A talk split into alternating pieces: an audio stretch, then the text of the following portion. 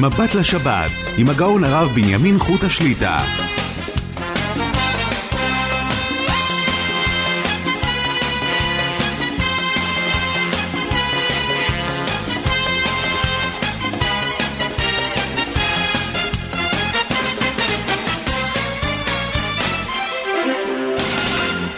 שלום וברכה, ברוך השם נפגשים לשעתיים מבט לשבת, ערב שבת קודש, פרשת דברים. כמובן, בתחילה נודה לצוות המסור והנפלא, ידידנו יצחק בן חיים, וכן ליורם יצחק וזנה, וכן ליהודה חבא, חפץ השם בידם יצלח, להגדיל תורה ולאדירה.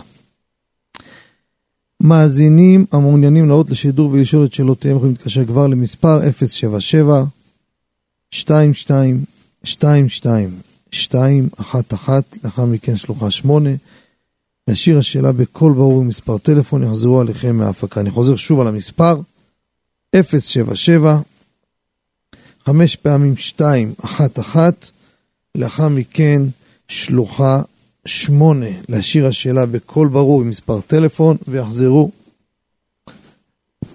יחזרו עליכם מההפקה. כן, כדרכנו, לפני שנתחיל, גם, אנחנו פתיח, יש הרבה מה לדבר. אנחנו נמצאים בערב שבת של ערב תשעה באב. לפני שנדבר כמה מילים בעניין החורבן, ניתן את הזמני תפילות לאנשים שהם, אם זה בידוד או חולים או אנוסים, כל מיני אנשים בבתי חולים, שרוצים להתפלל בשעה שהציבור מתפללים, לשמוע את התפילות, לענות קדיש, קדושה, ברכו. אנחנו ממשיכים את התפילות בבית המדרש שואל רחל ביתר עילית. אז אני אתן את זמני התפילות. וגם את השינוי בזמני התפילות של מאחרי תשעה באב, בגלל ימי בין הזמנים. אז ככה, התפילות הן בשידור חי בטלפון שהזכרתי בשלוחה אחת, ב-077 5 פעמים 211 בשלוחה אחת. מחר מנחה ערב שבת בשעה 6.25 בפלאג, ערבית ליל שבת, מניין ראשון עמידה בשעה חמישה לשבע, עמידה שנייה ערבית שמונה וחצי, שחרית עמידה בתשע, מוסף בעשר, מנחה של שבת, עמידה בשעה רבע לשבע. צריך לאכול עד לסיים עד השקיעה. ערבית מוצאי שבת וליל תשעה באב, שידור חי בטלפון, בשעה עם הקינות, בשעה שמונה וחמישים, בעשרה לתשע. בימי בין הזמנים יש שלושה מניינים. שחרית מניין ראשון שש ורבע, מניין שני בשמונה, מניין שלישי בתשע, מנחה שבע וחצי, ערבית ראשונה סמוך למנחה, לאחר מכן שיעור, ערבית שנייה בשעה עשר. בתשעה באב, יום ראשון, כפי שאמרתי, ערבית בשעה עשרה לתשע, שחרית בתשעה באב מתחיל בשעה שמונה, ומנחה של תשעה באב בשעה שבע ורבע, וערבית סמוך. לפני שניגע בהלכות, חייבים לנגוע בהלכות, בפרט השנה שחל מוצאי שבת, יש כמה וכמה פרטים, אבל נקודה אחת רבותיי, נקודה אחת. אמרו רבותינו, כל המתאבל על ירושלים זוכה ורואה בבניינה. והשאלה הנשאלת, מה זה זוכה ורואה בבניינה? יזכה ויראה, איזה זוכה ורואה? הוא מתאבל על ירושלים, איך הוא זוכה? איפה הוא זוכה? מתאבלים, עוד שנה ועוד שנה ועוד שנה.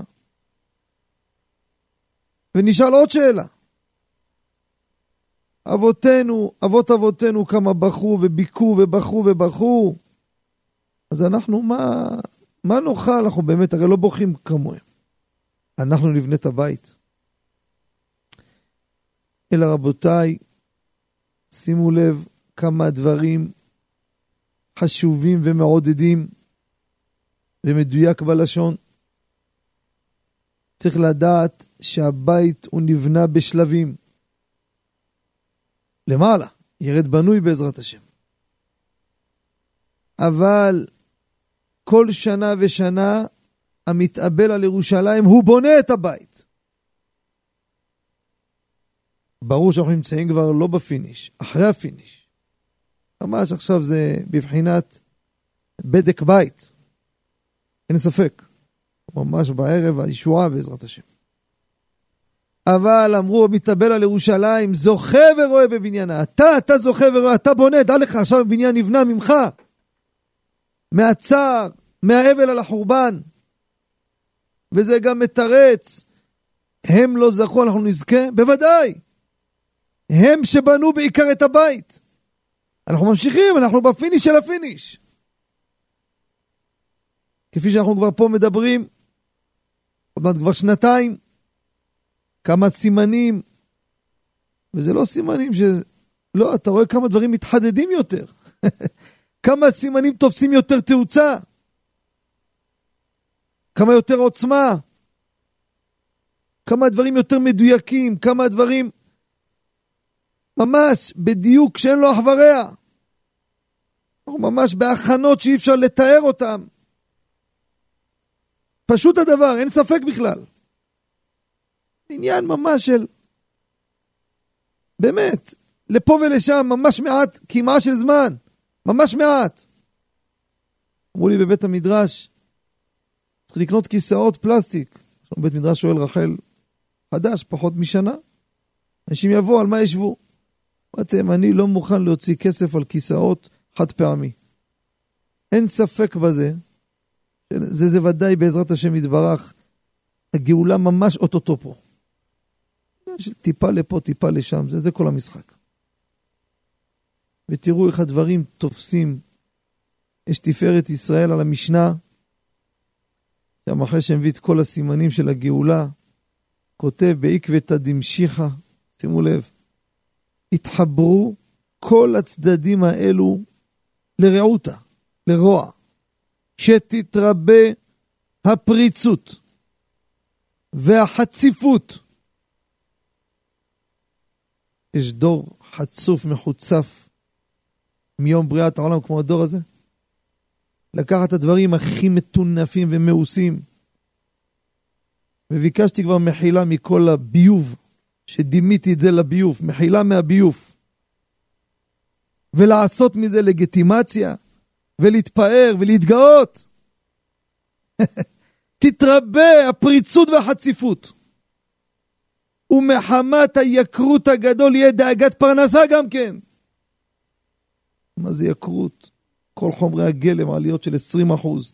כל מאיפה שאתה מדבר, עלייה, עלייה, מוצרי חשב, הכל יקרות. ואף על פי כן, ילכו בשרירות תאוותם. מה? ככה, אז תורידו מהתאוות. לא, לא, לא, לא, ממשיכים. עד שישתכרו ביין וגם המינות תפרוץ מאוד. ובכל הסיבות האלו, אין תוכחת נשמעת. מי יכול להוכיח? הרי ריחא תמאסו. אתה יכול לצעוק ולדבר, מי, מי מסתכל עליך? אתה משוגע, אתה פרימיטיבי, אתה שותה. אתה יכול לדבר נגד משהו? אתה מוזר. אומר, ואז זה ביאת המשיח. הוא תפארת ישראל. אומר, התחבר כולם. תראו כמה הדברים מתחדדים, זה פשוט תענוג לראות את הדברים. דברים שראינו, הבנו, אבל כנראה הבנו, ברור שהבנו, אבל הדברים מתחדדים עוד יותר, הדיוק הוא יותר, יותר דיוק. תראו כמה קודשה ואיכות שלו, הכל מדויק בדקות שאין לה אח ורע.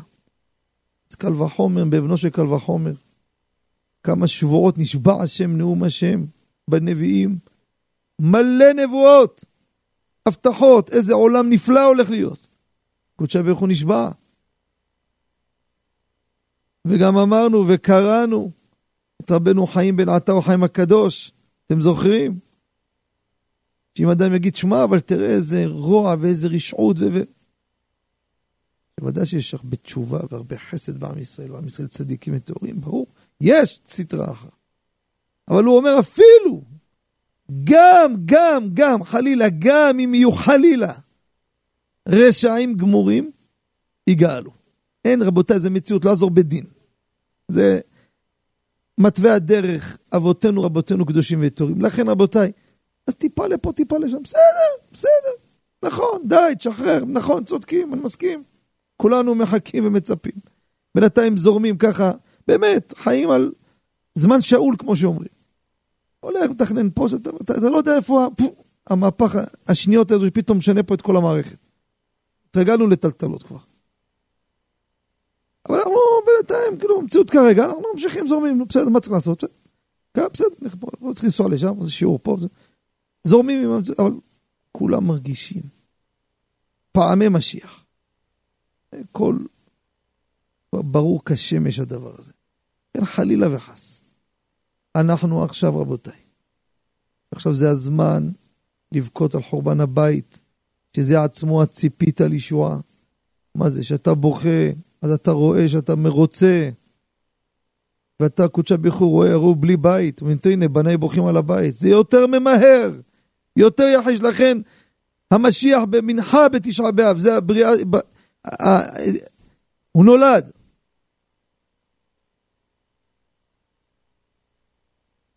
ודאי ש... שזה כל זה סביב, נכון, קרא להם מועד. זה יום שיהיה יום חג בעזרת השם. אבל אנחנו צריכים את המכה בפטיש. כשאנחנו מבכים על חורבן הבית זה יותר ימהר ויחיש. לכן מצד אחד רבותיי אנחנו ממשיכים ומצפים והכול, וחלילה וחס אין שום, שום חלילה וחס שום ייאוש, לא יקום ולא יהיה, לא רק שאין, הדברים עוד יותר מתחדדים. אם חשבנו, הבנו, הבנו את הדברים עוד יותר דק, עוד יותר שפיץ, אבל העיפרון שפיץ, השפיץ שתחדד אותו עוד. הנה, תראו, תראו. כל יום שעובר אתה קולט את העוצמות של הטומאה, והמלכות תהפך למינות, בית ועד יהיה לזנות, וכל הסימנים. אחי, אחי, זה אתה רואה את הכל בצורה שאין לה אח ורע בכלל. מלכות תהפך. כל המלכות, כל הממסד תהפך למינות. גם אם היה איזה קצת סממן, מישהו יראה שמיים שם, גם זה יצא, נשאר כולו תהפך. חשבנו מזמן נהפך, אבל כנראה זה היה מהפך לא מאה אחוז. איפה זה? איפה מי חלם יבוא לך אחד שעד לפני כמה שנים היה זרוק באיזה חור, לא היה לו מה לאכול בכלל. יבוא לפה והוא יתעלל באנשים שלנו, תגידו לי אתם, זה לא עקבתא דמשיחא? זה לא חלק מה, מהציר שאנחנו צריכים אוטוטו פעמי משיח? מי חלם דבר כזה? זה לא חציפות? אז מה זה חציפות? אני עכשיו יעבור מדינה להולנד. תוך כמה שנים אני אתקדם שם, אני פתאום אתחיל להכתיב לאנשים. חבר'ה, מגזר מסוים אני לא רוצה שיקבל אוכל. עצוב מחוצף, אתה בכלל אחד בא לגור וישפוט שפוט. זה חציפות. זה פעמי משיח. פשוט לצחוק, כי פשוט הוא לצחוק. להתעצבן ולצחוק. לכן רבותיי, אנחנו ממשיכים לתפוס חזק, לא להתייחס לרוע ורשע שרואים. זה ערב רב, זה הכל ייעלם, תחכו ותראו. ייעלם כלא היה. כי באמת יש הרבה טומאה שהם בכלל לא בפרשה של ביאת המשיח ובניין הבית והקדושה שתהיה. זה הקליפות שנתפסים, יש הרבה גויים. אנחנו, זה, זה חלק מה, מהתהליך שלנו. לא להיבהל, לא להתייחס. יש את הגחלת, יש את הסולת הנקייה, זה עם ישראל הקדושים וטהורים. ונמשיך, נכון, כרגע שולטים עלינו אויבינו, בעוונות הרבים, אויבי השם. ויכתיבו וישנו ויהרסו, בסדר. המה יהרסו והקדושה ברכו יבנה, יבנה בניין אמיתי, לא תחתם נחיה, חס ונמאס מזה כבר. להיות תחת ממסד, תחת עוקרי התורה, כופרים, מה, מה פתאום? לכן רבותיי, רק להתחזק. אתם רואים את המהלך, זה הזמן של השמחה. אנחנו אגב תשעה באב, לא באתי לשמח אתכם. אבל זה חלק חלק מהציפית לישועה זה המתאבל זוכה ורואה בבניינה. זוכה, אנחנו זוכים, רואים, אנחנו בונים. בונים את הבית. זה, יש לנו הלכות לתשעה באב. אוי אוי אוי, כבר עשר ועשרים, לא שמתי לב. אז ככה, בואו נתמצת בזריזות, רבותיי, פרטים כמה שיותר מהר, וגם יש לנו את הפרטים של עשירי באב. אז ככה, בואו נצא לדרך בעזרת השם. קודם כל לשכוח, רבותיי, אנשים, נשים וילדים, תכינו לכם מהערב, ממחר יום שישי, בגד, תלבשו אותו חצי שעה, שעה. הבגד הזה, תוכלו ללבוש אותו במוצאי שבת לתשעה באב. אסור ללבוש בגד מכובס, ובגדי שבת לא נהיה איתם בתשעה באב. זה לא מתאים. בגדי שבת לא לובשים בתשעה באב. ובגד מכובס אסור, תכינו. מי שלא הכין, שכח, לא שמע את התוכנית, אז בשבת הולך לנוח, מחליף זה, קם, שם פיג'מה, קם, שם בגד אחר, שעה ככה, שלא יהיה ניכר שעושה את זה, יתלבש על זה, יוריד, ויהיה לו מוכן. אנחנו בשבת אוכלים בשר, שותים יין, גם סעודה מפסקת, מעלה על שולחנו אפילו כסעודת שלמה בעת מלכותו. לגבי טיול בשבת, רוצים לצאת לטיול. הלכה למעשה, לספרדים מותר כל השבת. לאשכנזים, שבת הזו אסור בטיול. כמובן בשערי תשובה, זה בתמצית. עכשיו, שימו לב. מהשקיעה, בספק יום ספק לילה, צריכים לסיים סעודה שלישית, סמוך לשקיעה, נגמר. מה עושים עם חליצת הנעליים, החלפת הבגדים? מעיקר הדין, אפשר לחלוץ את הנעליים, נעלי עור, לחץ את הכוכבים. אבל, זה מעיקר הדין. אבל, ראוי מאוד לחלוץ את הנעליים כבר בשקיעה. כל אחד יראה בלוח שנה שלו, מתי השקיעה. אם אתה מוריד, חולץ את הנעליים, אז מה תשים נעלי בד? הרי נעלי בד זה מראה אבילות, עדיין שקיעה זה ספק יום ספק לילה, צאת הכוכבים. אז מה שמביאים בפוסקים, יחלוץ את הנעליים בשקיעה, יישאר בלי נעליים עד, נגיד 20 דקות, חצי שעה, אם קודם חצי שעה אפשר 20 דקות, ואז ינעל את נעלי הבד, נעלי הגומי של תשעה באב של האבלות. אם הוא חולץ אותם חצי שעה לפני השקיעה, שם נעלי בית, אז אנשים בבית הולכים נעלי בית גם בשבת בצהריים. אז זה בסדר גמור, אבל כשמגיע השקיעה פתאום להוריד ולהחליף, זה אסור אה, בשבת, זה לא מתאים. בגדי שבת, לא פושטים אותם בשקיעה, אלא הם ממתינים, כמו רבע שעה, עשרים דקות אחרי השקיעה, לפשוט אותם וללבוש את הבגדים הלא מכובסים של, של אה, התשעה באב. עכשיו, פתיחת הצום, כמו שאמרנו בשקיעה, כבר אסור לאכול. יציאת הצום, שימו לב, בצאת הכוכבים ביום ראשון בלילה, לא בשקיעה, צאת הכוכבים. כמה זה? מהשקיעה אתה מונה כ-15 דקות, 20 דקות, תלוי. אין תוספת, כמו ביום כיפור, זה פתיחה ויציאת הצום. אדם מוצאי שבת, בתי כנסת לא עושים בצאת שבת ערבית. שהם צריכים להחליף בגדים, להתארגן, היה קצת זמן. אז יש כאילו מתעכבים עוד רבע שעה נגיד, עד שיוצא שבת, עד שזה, רוצים אה, לקחת אה, הספרים, להתארגן, זה. אז מי שלא מוציא רבנו תם, יכול לומר גם מבדיל בין קודש לחול, ולנסוע באוטו אם הוא רוצה, אם לא, אז כמובן אם הוא מוציא רבנותם, אז צריך לדעת שמלאכות מן התורה, ומי שמקפיד רבנותם בדאורייתא, זה בעיה. הספרדים, צריך להקפיד אחרי הערבית, לפני שמתחילים את האיכה וקינות, מברכים ברכת בורא מורה האש על הנר בבית הכנסת. לאשכנזים לא חובה. בית כנסת שהתאורה כולה לדים או פלורוסנט. יש צדדים לפה ולשם, ראוי גם אז, אותו דבר גם כן אם ליל פורים חל מוצאי שבת, כי אסור ליהנות מהאש לפני שברכת עליה. אתה הולך לקרוא עכשיו מגילה, איכה, קינות, אתה נהנה, תברך לפני כן. שאלו אותי כל ערבית מוצאי שבת. עוסקים מביאים, כמו מוצאי שבת מתפללים ערבית, יודעים אותה בעל פה. זה לא כל כך הנאה מהאש. פה מי יודע בעל פה את איכה? מי יודע מגילת אסתר בעל פה? לכן, עד כדי כך מרן עובדיה פוסק, אפילו אם שכחו, נמצאים באמצע מגילת אסתר, יעצרו את המגילה והלכו בורא מאור אש וימשיכו, עד כדי כך. תשים לב לדבר הזה. הבדלה, הלכה למעשה. אנחנו על הנר אמרנו בירכנו במוצאי שבת כדי ליהנות מהאש, בסמים לא מברכים.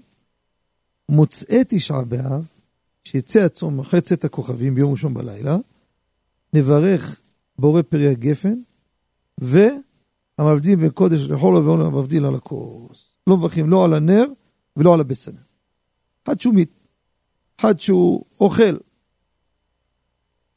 מתי יבדיל? חולה, ציוו לו לאכול, אבל הוא אוכל, נגיד בבוקר, בלילה מספיק אחת עשרה שלישית, אני מלא. הלכה למעשה, לספרדים, תעשה הבדלה כבר במוצאי שבת. כיוון שכבר מותר לו לאכול, אז גמרנו, צריך לעשות הבדלה. ההוא אומר, עזוב, אני מושך עד הבוקר, תעשה הבדלה. אתה לא רוצה לשתות יין? תביא ילד קטן שישתה. לאשכנזים, יבדיל לפני שיאכל. אם תאכל בבוקר, לפני שתאכל תעשה את ההבדלה. כמו כן, חולה שמבדיל, יכול להוציא את כל בני הבית, רבותיי. גם הלכה למעשה.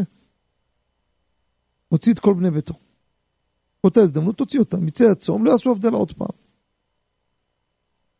אותו דבר, מי שמתענה רוצה לעשות הבדלה לצורך חולה, אשתו לא, לא צמה, רוצה לעשות לה הבדלה. הוא יעשה, רשאי לעשות הבדלה, מזה שבצום יעשה הבדלה, אבל כמובן לא ישתה, החולה ישתה או קטן ישתה, זה בסדר. ככה הביאו גם הציצי אליעזר, גם לאשכנזים, אשכנזים זה מחלוקת, דעת. הגאון רבי יוסף שלום אלישיב, שהוא לא יכול, אבל זה מחלוקת. ככה למעשה, הרבה פוסקים כפי שזה, בקיבה מועד מי שירצה יראה, עמוד קל"ט, גם ספרדים, גם אשכנזים, ככה יעשה. על מה מבדיל? לספרדים עליין ומיץ ענבים, לאשכנזים מיץ ענבים. ויש אחד שהוא כל שבת עושה הבדלה מוצאי שבת. צום אומר, עזוב, אני לא צום, לא מעניין אותי. צפצף. האם יעשה הבדלה או לא? מצד אחד אסור לו לאכול. שאומר, אדוני, אני לא צם, אתה רוצה שאני השבוע אוותר? בפשטות יעשה הבדלה, אה, יעשה הבדלה. כמובן, עדיף שיעשה על בירה לבנה או שחורה, כן. אה, זה לגבי הפרט הזה. קטנים, אוכלים, הם לא צמים. לספרדים יש לחנכם לעשות הבדלה. לאשכנזים לא צריך. עכשיו, מה קורה עם שטיפת הכלים והרצפה? מוצאי שבת, מלא כלים. עדיף שעשה רק חד פעמי והכל זרק, נו. יש סירים, יש זה, חם מאוד, קיץ, הכל צפוף, יכול להביא טושים, ריחות. איך התחילה, קודם כל, שוטפים את הכלים ביום ראשון בחצות היום, אחרי חצות היום. רק אם צריך כלי לצורך קטן או משהו, זה משהו אחר. אבל במקרה שאנחנו מדברים, השנה, שזה קשה מאוד, אז אם הוא יכול רק להשרות אותם במים, אם זה מספיק, מספיק. שים קערה, ישים אותם, ישים בצד. אם גם זה לא מספיק. יתושים, והילדים יהפכו, כל מיני סיבות. הלכה למעשה, מותר לשטוף את הכלים, ידאג כמה שפחות מים יהיו על ידיו. שישטפו ידיים עם, עם כפפות גומי. מדיח כלים מותר להפעיל. לכלוך מרובה ברצפה, כמו שאנחנו לא שוטפים, אבל לכלוך מרובה זה כבר מאוס, זה לא כאילו להבריק את הבית. ניקוי נקודתי מותר. שאר סדר הבית והשטיפה, המנהג שאחרי חצות היום, מי ששואל גם זה יגידו לו לעזוב, להמתין עד הערב, אבל יש כאלו שנהגו ולא מוחים בהם. זה ממש בתמצית, לא נגעתי בעינויים של תשעה באב, רק מה שקשור להשנה ופתיחה וסגירה. עכשיו עוד, זה כדאי לרשום את הפרטים האלו, מה שאני אומר עכשיו, יש חלוקים מספרדים לאשכנזים לגבי כל המנהגי האבלות של העונה הזו, מתי ועד מתי במוצאי תשעה באב, מה מותר, מה אסור. כדאי לכם לרשום, שאדם ידע, זה מותר, זה אסור, אני... סייעתא דשמיא, גם בקיבה מאוד כתבנו את כל האופציות, אז אני מקווה שאני לא שכחתי משהו, הכנתי לי את זה מולי. יש לנו סימן בשולחן ערוך, תקנ"ח, זה סימן שתזכרו, תקנח, זה הקינוח של הצום. מה זה? תשעה באב, שריפה הייתה לעת ערב. בליל תשעה באב אנחנו יושבים, אבל הבית עוד לא נשרף בליל תשעה באב. לעת ערב נשרף עד השקיעה ביום עשירי. זאת אומרת, עיקר השריפה הייתה בעשירי, התחיל בתשיעי. בגלל תחילת הפורענות אנחנו צמים בתשעה באב. אבל עיקר השרפה בעשירי, לכן יש מנהג של כמה מנהגי אבילות, שאנחנו עדיין ממשיכים אותם בעשירי באב. מה זה עשירי באב? שימו לב, יום ראשון בלילה עד שני בלילה. מה ועד מתי? עכשיו נתמצת. בשר ויין, שימו לב, בשר, עופות ויין מצנבים, לספרדים אסור לאכול את הדברים האלו, והמנהג גם לא לשתות, עד, שימו לב, עד מוצאי עשירי, עד הערב. דהיינו, כל יום שני, אדם הולך, בא לו לאכול שווארמה, עוף, מה פתאום? ספרדים, עד הערב. המרן כותב, מנהג לאכול בשר לא לשתות יין, ליל עשירי ויום עשירי. אה, יותר מש... יש כאלו שנהגו לשתות יין בשעת הימים. פה כתוב כל העשירי לא, אז בשר ויין אסור. עד יום שני בערב. אשכנזים, פה הם יותר מקלים, עד חצות היום. בא לאשכנזי לאכול עוף, או שווארמה, לא משנה מה, יום שני, חצות היום, מותר. זה סגרנו בשר ויין. נמשיך. שירים, נשמע מוזיקה. לספרדים, עד חצות היום אין לשמוע מוזיקה. וטוב להחמיר עד הערב. לא חובה, טוב להחמיר. ואשכנזים, עד חצות. ספרדים ואשכנזים בזה, אותו דבר. יום ראשון בלילה ממשיך האיסור שמיעת שירים עד חצות היום ביום שני. לא להפעיל מוזיקה מוצאת תשעה באב. עכשיו, מה קורה עם מקלחת? זה מתקלח, מוצאי תשעה באב. לא צריכים ללכת לבריכה אפילו. אני אומר את כל הפרטים. לספרדים מותר כבר ממוצאי תשעה באב. יום ראשון בלילה, צאת הכוכבים, מותר כבר להתקלח. לאשכנזים, בפוסקים מובא, עד חצות לא להתרחץ, אבל צורך גדול, חם מאוד עכשיו. יש הרבה אנשים ממש מרגיש גירודים וריח וזה, זה נקרא צורך. גם לאשכנזים, כך פוסק הגאון שלמה זמן נוירבך, יהיה מותר מהלילה. דהיינו, יצא תשעה באב, אפשר להרביץ מקלחת. עכשיו, בגדים מכובסים, שימו לב, לבוש בגד מכובס, ספרדים מותר כבר מוצא תשעה באב לבוש בגדים מכובסים. אשכנזים, מחצות היום, עד חצות היום ממשיכים עם בגדים לא מכובסים. אדם רוצה, יהיה לו בגד נקי, אבל לא, לבש אותו מעכשיו, לא, זה עכשיו, בגדים שהוא הכין אותם. תספורת, להסתפר, להתגלח ולכבס. שוב, לספרדים מותר מהלילה, ממוצאי תשעה באב מותרים לכם. אשכנזים, מחצות היום. ברכת שהחיינו, בגד חדש, פרי חדש, בין לספרדים, בין לאשכנזים, שימו לב, כל עשירי באב עד יום שני בערב לא מברכים שהחיינו. עוד פרט קטן, פולמוס גדול, נגענו בו נראה לי שבוע שעבר, בקצרה, לגבי סעודה רביעית, האם היא נדחית למוצאי תשעה באב, בעיקר הדין אי אפשר לחייב חד משמעית, מי שכבר אוכל, יכוון גם לשם סעודה רביעית. וגם אם הוא לא אוכל, ראוי שיאכל איזה מזונות, משהו כדי לשם סעודה רביעית, זה במוצאי תשעה באב. זה ממש בקצרה, עשינו את זה במהירות, מה שאפשר. בקצרה. לפני שנצא להפסקה, נודיע על כמה מקומות בתשעה באב. בעזרת השם, אני אמסור שיעור, ענייני החורבן, קצת על הגאולה, קצת גם על החורבן, גם על האמונה, בעזרת השם יתברך, בתשעה באב, בשעה שתיים בצהריים. תושבי חולון מוזמנים לבית הכנסת סודאי, רחוב רוטשילד 12, זה בשעה שתיים. בצהריים. בשעה רבע לארבע תושבי לוד, בית הכנסת שובה ישראל, רחוב אלפעל שמונה, בשעה רבע לארבע. לאחר מכן תושבי אשקלון, שעה חמש וחצי, בית הכנסת דגל מחנה ראובן, רחוב הלוויה שתיים, שמעו ותחי נפשכם. ניגע גם קצת בהלכה, מה שמותר בתשעה באב. עוד דבר חשוב, אני מקווה שאני אומר את הפרטים נכון, יש, ביקשו ממני להודיע, מחר ביום שישי, יש כנס של כל אלו שכתבו וכותבים אה, ערך נושא של כתיבה, של אב הגאון, ואב פרץ, משבט כיסא רחמים, פרח לי השם, רבי יוסף פרץ. אה, ארמונות חן, אם אני לא טועה בשעה 11, כדאי לעקוב המודעות, זה בקצרה בעניין הזה. כן, אנחנו נצא להפסקה ונשוב למאזינים הנכבדים. רבותיי, כפי שאמרתי, לתפוס חזק, בטח באחד ואל תפחד. בפרט שאנחנו נכנסים לעוד גל, לא יודעים מה, מי, מו, רק קודשה ברוך הוא מנהל את הכל, לא שולח דיווח לאף אחד. מה שיהיה ומה שלא יהיה, יהיה רק טוב. תתפסו חזק רבותיי, תראו כבר שנתיים, ראיתם, מעל הטבע עם ישראל. כוח האמונה והביטחון שלנו, תדעו לכם את זה. כמו שאנחנו אומרים בעמידה, כל יום כמה פעמים. כי לישועתך, כי, כי, כי בך בטחנו. כי זה בגלל. למה תעשה לנו טוב? כי בך בטחנו. בגלל שאנחנו בוטחים בך, זה עצמו סיבה לישועה. לכן רבותיי, אין, אין מה לחשוש. תשמעו מה אומר לכם. אין מה לחשוש מאומה. מה נקבע לך? רק טוב. נקבע חס ושלום לא, אין סיכוי להזיז את זה בדרך יחידה.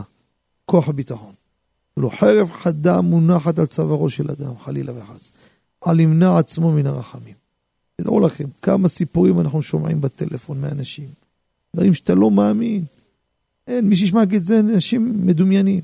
איזה סיפורים. בטחו בקודשא בריחו. בטחו.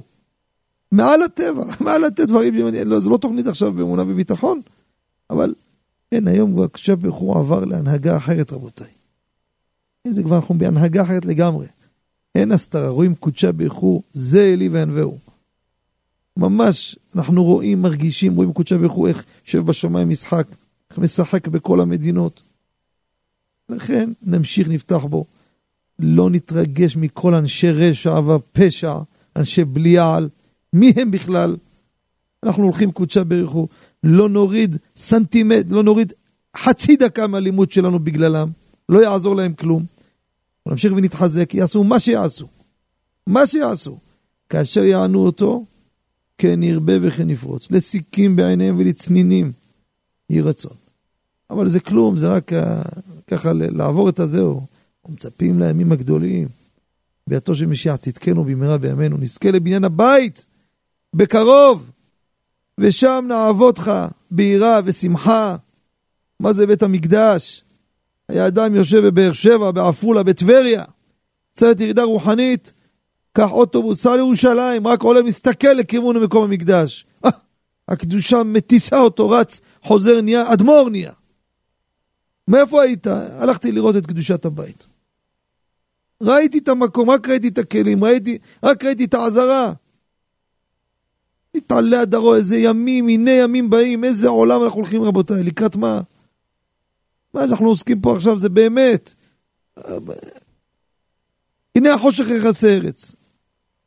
ועלייך יזרח השם. כבודו עלייך יראה בעזרת השם בקרוב.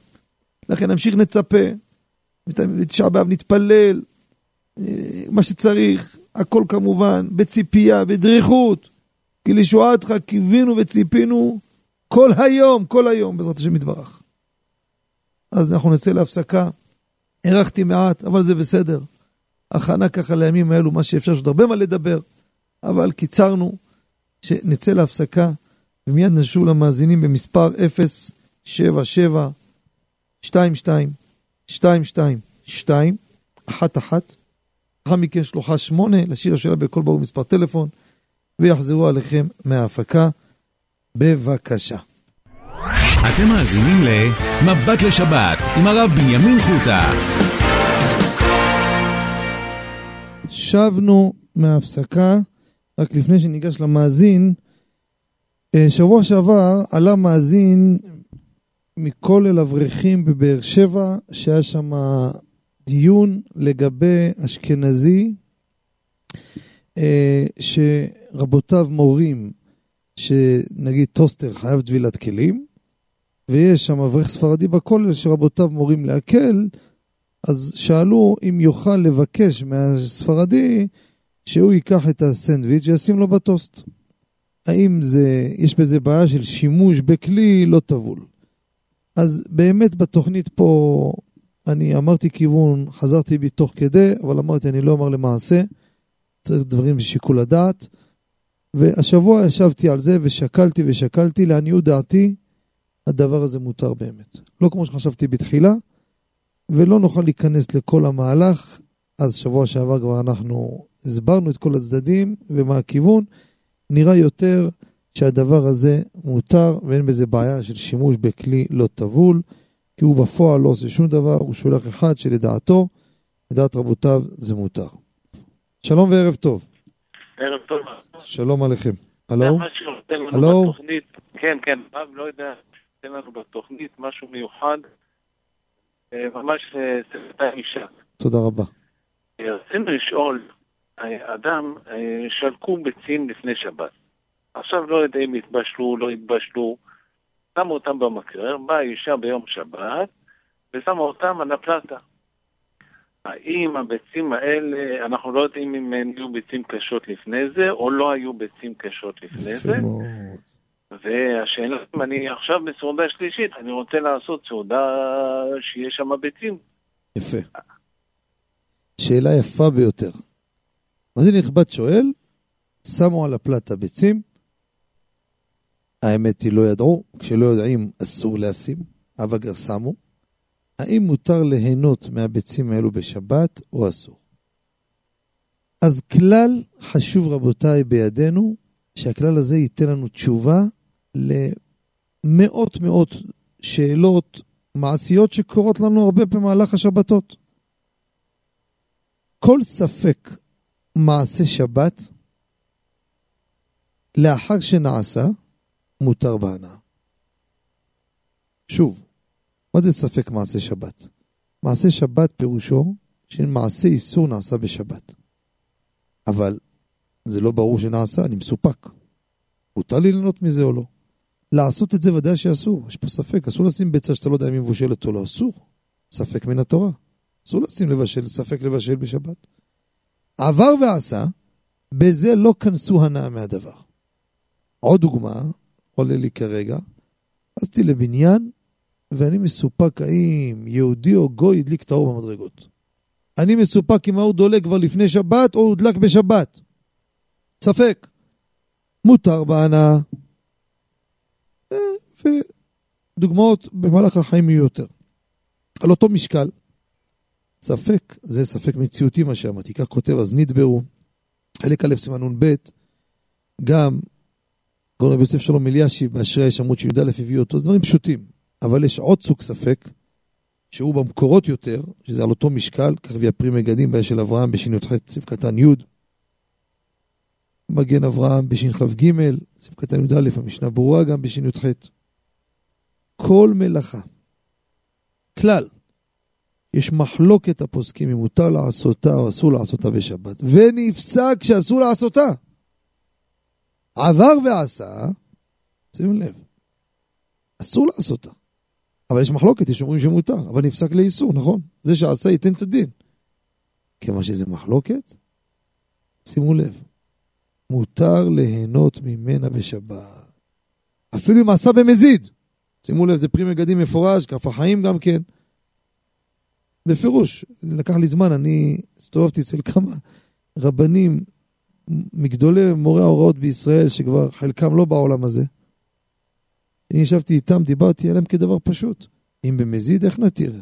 שוגג, אני אומר, לא לקנוס אותו. אבל, לאחר זמן ראינו פרי מגדים. ודאי אם היו אותם גדולים, זכרו את הפרי מגדים, או רואים את הפרי מגדים, ודאי שהיו מורים אחרת. כן, אפילו במזיד, כיוון שזה מחלוקת, עבר ועשה מותר בהנאה. זה מסקנת הדבר, ואותו דבר פה. ספק במציאות, לא יודע, עשיתי עבירה או לא, לא יודע. לא יודע, אתה לא יכול לברר, אי אפשר לדעת. מותר ליהנות מהדבר הזה בשבת. יישר כוח על השאלה היפה הזו. תודה רבה. חיים טובים. כן. לא שמעתי, מחילה? יהי רצון שנזכה למשיח לפני תשעה באב. אמן כן יהי רצון, אמן כן יהי רצון. אנחנו ודאי זוכים למשיח. העניין הוא שעניין של איזה, איך אומרים, טיפה לזמן לפה, טיפה לשם, זה כל העניין. אתה יודע למה זה דומה? אמרתי היום באיזה מקום, דיברו ככה כמה תלמידי חכמים. אמרתי להם, זה כמו, להבדיל, כן? זה כמו שאתה יושב שם מדינה מול מדינה. מתגרים אחד בשני שנים, החליטו להתקרב לכיוון מלחמה. שים לב, האוניות של אלו פה, האוניות של אלו פה. כל הטילים מכוונים, מטוסים כבר מתחממים, הכל מתחמם. צריך רק את הניצוץ הזה שמישהו ישלח כדור אחד קטן, וכל העסק עולה. אנחנו נמצאים שם. משהו קטן קטן, ואנחנו כבר בתוך, בתוך עומקה של הגאולה בעזרת השם. שיהיה לכם שבת שלום, ונזכה לבניין הבית בקרוב, אמן. אמן. ברוכים תהיו. נעבור למאזין הבא. שלום וערב טוב. שלום ערב טוב שלום עליכם. יישר כוח אנחנו מאוד נהנים. תודה לכם. הרב, רציתי לשאול לגבי מקרר, יש לי מקרר עם אה, הכשר טוב, אני לא יודע אם מותר לפרסם בשידור, אבל זה בין השתיים אה, הכשרים הכי טובים שיש למוצרי חשמל, ויש מצב שאתה מכניס אותו לשבת, ויש לו קרח אוטומטי, אז הוא לא מכבה את הקרח. שכחתי לכבות את הקרח, והוא המשיך לייצר קרח בשבת. האם מותר להשתמש בזה או שזה בעיה? יפה מאוד. שאלה יפה ביותר. השאלה היא כזו, קודם כל, מה שידוע לי, מה שביררתי בעבר, אני אמנם לאחרונה לא עשיתי בירור עדכון מה קורה בטכנולוגיה המתקדמת, מה שידוע לי, הוא לא מייצר קרח סתם, אם לא שאנחנו בעצם מוציאים קרח מהמכל, שאז הוא מזהה שהקרח השתחרר ואז הוא מייצר. אם הוא סתם ייצר לבד, לא עשינו כלום, מותר, ודאי שמותר, לא עשיתי שום דבר. אבל אם אני בעצם גרמתי את הדבר, גרמתי את הדבר, אז אם עשיתי את זה בטעות, אז יש לנו כלל. הרי ודאי שפה זה כל זה איסור דה רבנן בפשטות. יש לנו כלל במתעסק, אדם בא, לא שם לב, לא ידע ככה, עשה דבר, לדוגמה, לקח סיר, שם אותו עכשיו שיורק, שם אותו על הפלט, הוא גילה שבם אוכל, זה נקרא מתעסק. מתעסק במעשה שבת, דינו כשוגג, אסור ליהנות מהפעולה, אמת. אבל בפוסקים מבואר שאם המתעסק הזה נעשה בפסיק רשע, מה זה פסיק רשע? פה הוא עשה פעולה, אבל ודאי, ודאי שיהיה משיח. כמו פה, אתה רוצה את הקרח מהמכל. מה קרה? החיישן קלט את זה, התחיל לייצר. פסיק רשע במתעסק, לא מעשה גמור, זה רק פסיק רשע, אין בו איסור הנאה ממעשה שבת. למעשה יהיה מותר ליהנות מהקרח הזה, ככה בפשטות. אה, יש בזה עוד כמה נקודות, אבל אנחנו שומעים את הניגון. בעזרת השם, אה, אנחנו אה, נצא להפסקה, ושיהיה לכם שבת שלום ומבורך. נשוב מיד אחרי ההפסקה למאזינים, בבקשה.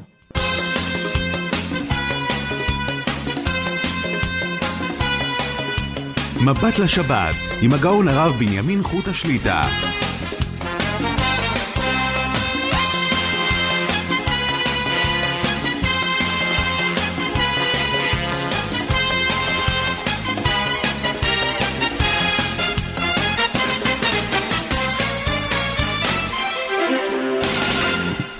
שבנו לשעה שנייה, מבט לשבת, ערב שבת קודש פרשת דברים. שבת ערב תשעה באב, בפתיח נגענו גם חיזוק, גם הלכות הקשורות להשנה, תשעה באב ביום ראשון יהי רצון שיהפך למועד, לחג, בנים את המקדש, נזכה בבניין הבית בקרוב, אמן. Uh, בקצרה ובזריזות זמני התפילות. מחר מנחה באוהל רחל בטלפון שהזכרתי בשלוחה אחת בשעה 6.25 מנחה. עמידה של ערבית ראשונה, חמישה לשבע, שנייה, שמונה וחצי, שחרית תשע, מוסף עשר, מנחה של שבת רבע לשבע. ערבית מוצאי שבת זה תשעה באב בשמונה וחמישים. בית תשעה באב עצמו שחרית בשעה שמונה. מנחה שבע ורבע, ערבית סמוך. בימי בין הזמנים יהיו מניינים כל יום שחרית, מניין ראשון שש ורבע, שני שמונה, שלישי תשע, מנחה שבע וחצי, ערבית ושיעור, וערבית נוספת בשעה עשר. אנחנו ניגש למאזין, שלום וערב טוב. ערב טוב, כבוד הרב, שלום, שלום עליכם. עליכם. ראשית כל, יישר כוח לרב על כל השיעורים, כל ה... שהרב עושה. תודה רבה לרב. יישר אה, כוח לכם. לשאול את הרב, אה, יש לנו תשעה באב שחל אה, במוצאי שבת, וכיוון שזה אחד במוצאי שבת, אז שאלה אם להימנע מכל מיני מאכלים שאני אוהב ביום שבת, כמו דברים חריפים, מתוגלנים, אה, כל אה, כיוצא בזה, כדי שאחרי זה בצום יהיה לי קל. אה, מה עדיף ממה? תודה רבה. איזו שאלה מעניינת ויפה. השבת הקרובה, שבת כשלמה בעת, כסעודת שלמה בעת מלכותו. צד אחד. צד שני, יש אנשים אומרים, תשמע, אם אני אוכל גרעינים מלוכים, אני אתייבש, יש צום. או כל מיני מטוגנים. האם אנחנו נדלג על עונג שבת בשביל התענית או לא? להקדים, תראו כמה הנושא של ביטול עונג שבת לא פשוט. בקיבו שבת חלק א', עמוד קל"ג, הבאנו רבי שלמה בלוך, היה תלמיד של חפץ חיים, והוא ככה מעיד, שאמר, החפץ חיים, אם אדם מונע עצמו מהנאה, שימו לב מה דוגמה שהוא הביא. כיבדו אותו להריח טבק, הוא אוהב להריח טבק, אוהב. הוא אומר, יודע מה, עזוב, נתגבר על התאווה. בשבת. הרי זה ביטל מצוות עונג שבת. יש לך חשק למשהו והוא קיים, אתה צריך בשבת חד משמעית ליהנות כי זה שבת עונג. ולגבינו, יש פה סיבה מוצדקת. הרי אדם שלא אוכל דבר כי זה מכביד עליו, אני אגיד לו ביטלת עונג שבת? מה פתאום? נכון, טעים לי, אני אוהב את זה, אבל יש לי גם עוד שיקול נוסף. אני לא רוצה לאכול מדי שומנים, אני לא רוצה לאכול סוכרים מדי, אף שאני אוהב את זה. ולא רק זה, הרי התועלת שיש לדבר, אמנם בעקיפין, היא גם הנאה מסוימת וסיפוק מיידי שהאדם עושה את זה, טוב לו כרגע במצב הזה. הרי הוא לא רוצה להיכנס למצב הזה שהוא יסבול מחר. אז כבר מעכשיו הוא מונע את זה, עכשיו טוב לו. לסבר את האוזן, השתמשנו פעם בראייה הזאת בכמה דוגמאות. יש בסימן ש"ז, מה קורה האדם בשבת בא לדבר דברי חולין. סתם סיפורים סיפורים. כתוב בהלכה, אם הוא נהנה מכך, מותר. עונג שבת לדבר פוליטיקה, לדבר קצת על דה ועל הא, זה מותר. נהנה. מה קורה אם הוא יושב עם מישהו, הוא רוצה לדבר איתו פוליטיקה. זה שמספר, לא נהנה מזה. לא נהנה, אין לו כוח לזה, הוא לא אוהב את הדבר הזה בכלל. או תספר לי מה היה, הוא סיפר את זה כבר מאה פעם, כבר יצא לו מהאוזניים הסיפור הזה. אז הוא לא נהנה, לכאורה אסור. אבל, כותב הטורי זהב, אם הוא נהנה בזה שהשומע נהנה, שימו לב, זה לא הנאה בעצם הסיפור, הנאה בעקיפין שהוא נהנה, שהוא מספק לו. זו נקרא הנאה בשבת ומותר. אותו דבר, אותו משקל גם פה. נכון, אני לא נהנה, אני בעצם מבטל את ההנאה.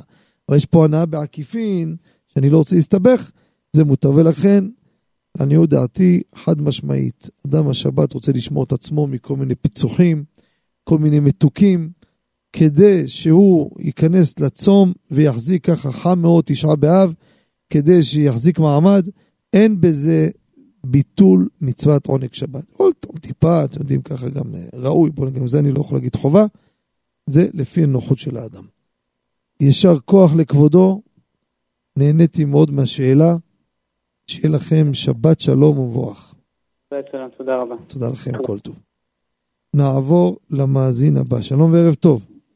שלום עליכם, כבוד הרב. שלום עליכם. הרב, אה, רצינו ברשות הרב אה, אה, לשאול שתי שאלות. שאלה ראשונה, הרב, מרן שולחן ערוך, בהלכות שבת כותב להתקלח כמדומני במים חמים. גם בסימן הס"ך כמדומני. אלא יש אנשים שנהנים להתקלח במים קרים במיוחד בימי הקיץ. לא קשור, יש מזגן, אין מזגן. נחמד לו, נעים לו כיף להתקלח במים קרים, האם אפשר להתקלח במים קרים לכבוד שבת או שיש בזה איזה בעיה? אה, עוד שאלה הרב, עוד שאלה הרב. בבקשה. אה, המציאו אה, דבר חדש, המדע, לא יודע מה, שאם בן אדם לוקח אבוקדו, והוא עושה סלט אבוקדו. עכשיו, בשביל שזה לא שישחיר לו, אז הוא לוקח את, ה...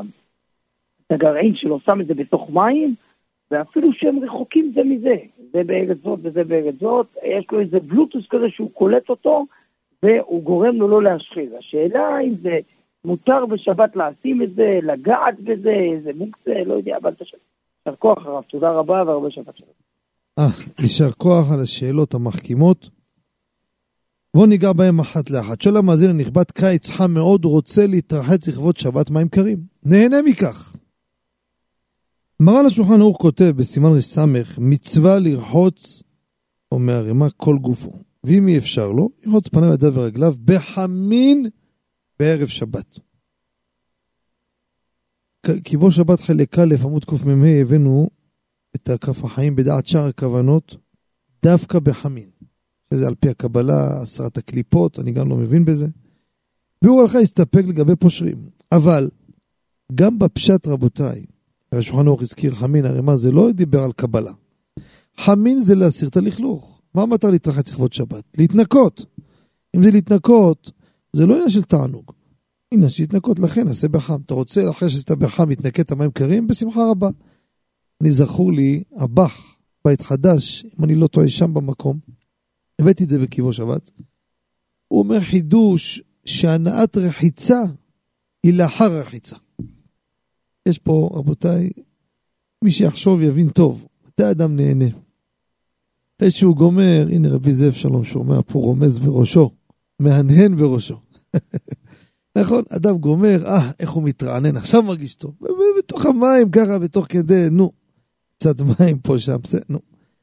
אז הכל מקרה, בערב שבת זה לא עניין של הנאה, זה עניין, לכן הבחור אומר להתרחץ סמוך לשבת, לו הנאה בשבת, דרך אגב.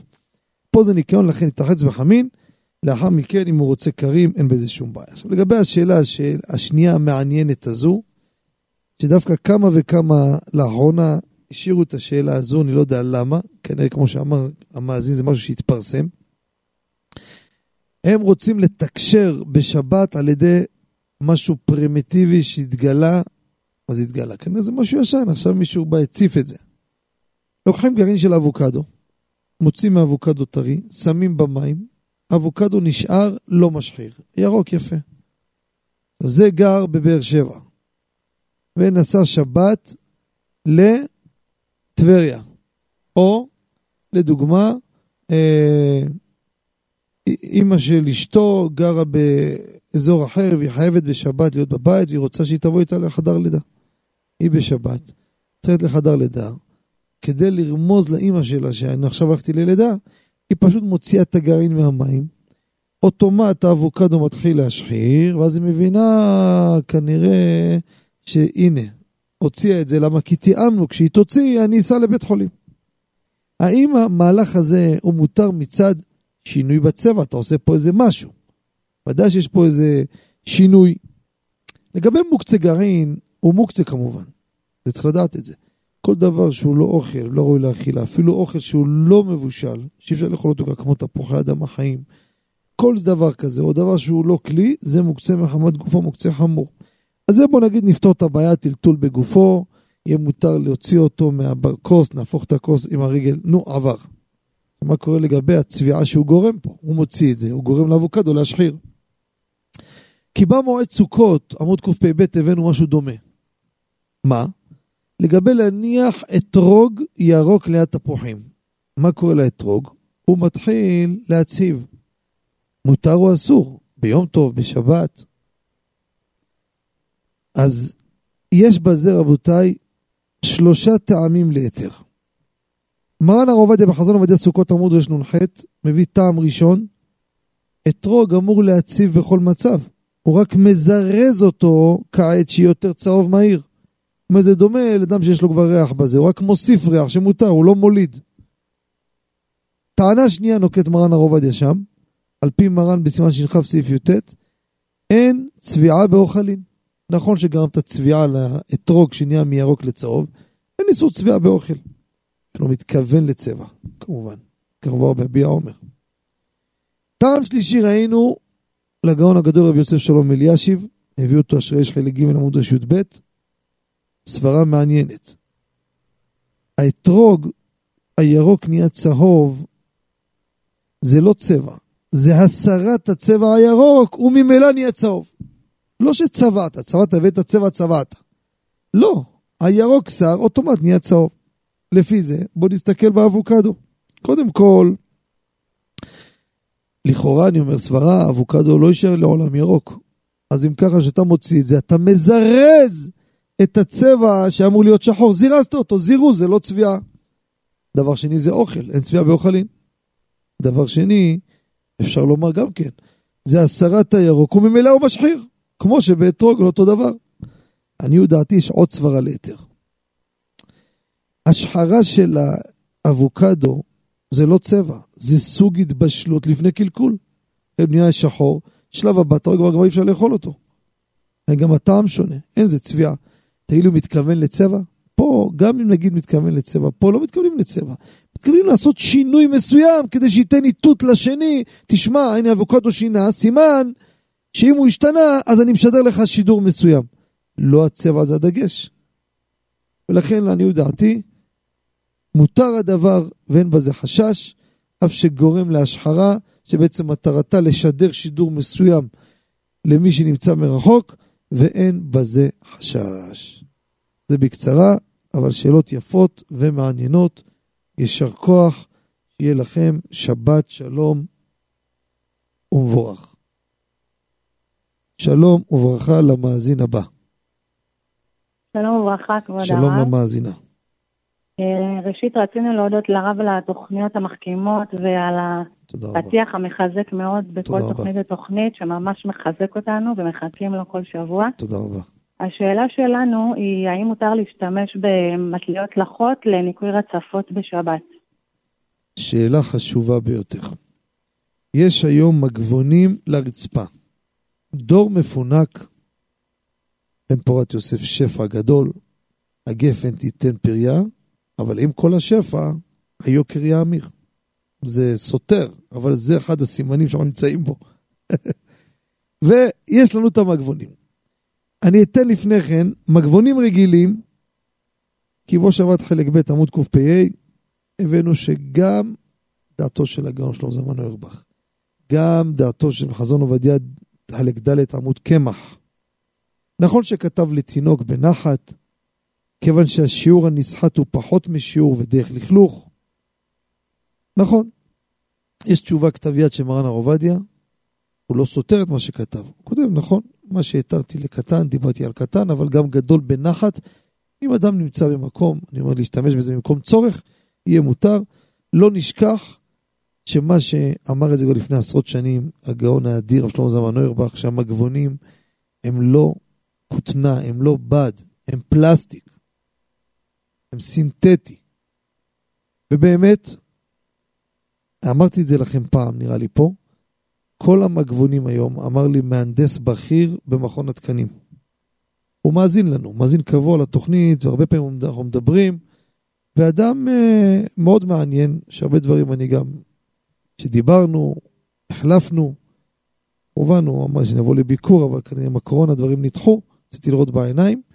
הוא אומר חד משמעית, במכון התקנים, שכל המוצרים עוברים דרכם, זה מוצרים שיוצאים לציבור.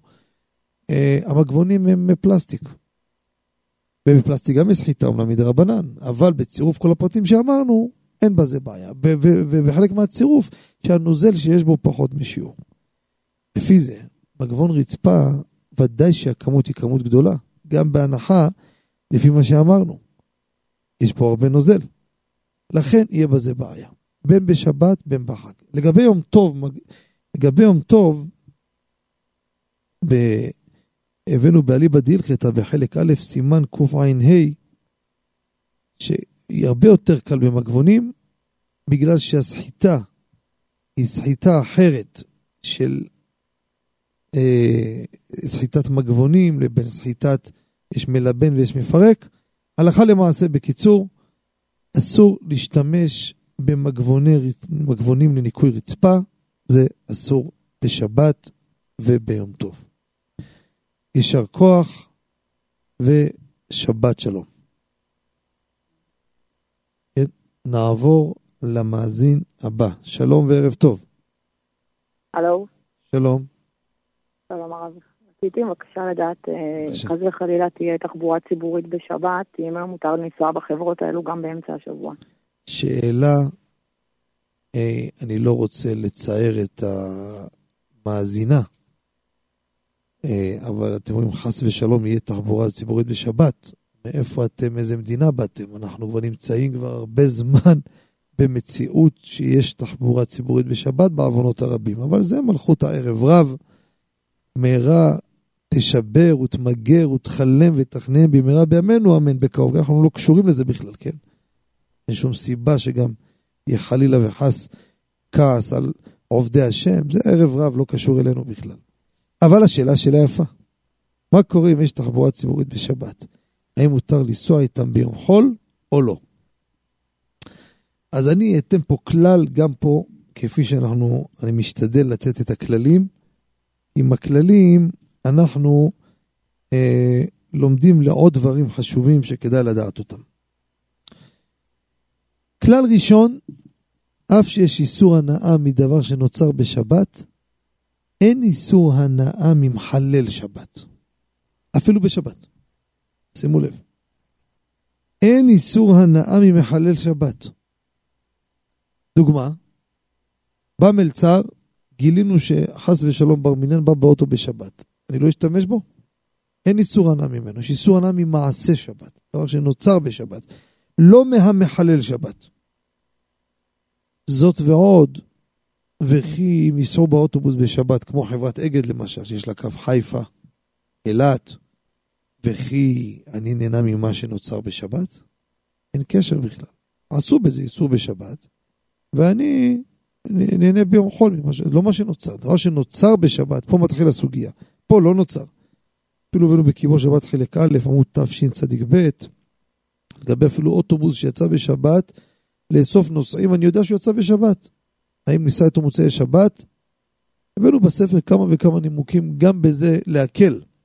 אבל הרעיון, דבר שהוא נבנה, שהוא נוצר בשבת, עליו מתחיל הסוגיה של שי"ח סעיף א', של המבשל בשבת או עשה מלאכה משאר מלאכות, שבמזיד אסור לו ליהנות לעולם, ולאחרים מותר מוצאי שבת מיד ובשוגג, בין לו בין לאחרים עוד מוצאי שבת מיד מותר. זה, כפי שאמרתי ואני חוזר, דבר שהוא נוצר בשבת. פה זה משהו אחר. עכשיו, מה עם השקפה? שזה גם שאלה. בטח שאתם רוצים לדעת. אז כלל בידינו, בפרט שאנחנו נמצאים בערב בין הזמנים. רציתי להקצות האמת איזה, אולי עוד פינה לבין הזמנים, אבל עוד חזון למועד. הכלל הוא כזה, דבר שיש לנו תחליף, ודאי ראוי מאוד מאוד מאוד לא לתת יד למחללי שבת בפרהסיה. בריכה, יש בריכה אחרת טובה, תלך, פחות אה, משהו מש, לא משמעותי, נו. אז לא צריך להשתגע, ללכת להוא ששומר שבת ולתמוך באותו דבר תחנות דלק וכן על זה הדרך. דבר שאין לו תחליף. כמו למשל בעוונות הרבים חברת אגד מחללת שבת, אין לנו תחליף. איך ניסע? איך המאזינים ייסעו לשוק, ייסעו לעבודה, ייסעו לכולל? אין תחליף. אין תחליף, אין לכם מה לחשוש. אין מה לחשוש. מה נעשה? משתמשים בהם לצורכנו, לא בשביל לתמוך בהם. זה בהשקפה בתמצית העניין. שיהיה... תודה רבה. סליחה? תודה רבה. בסדר גמור. שבת שלום ובשורות טובות. כן, נעבור למאזין הבא. שלום וערב טוב. שלום הרב, ערב טוב. ערב טוב מבורך. הרב, אני הרבה זמן רוצה לעלות לתוכנית. קודם כל להגיד לרב תודה רבה, זה פשוט לא יאומן הרב. אנחנו כל היום שומעים ברדיו, מתחלף פרויקטור של... הרב זה הפרויקטור האמיתי של הקורונה, באמת, אני לא צוחק. זה טוב. בפרט עוד בשנים, בשנה בהתחלה.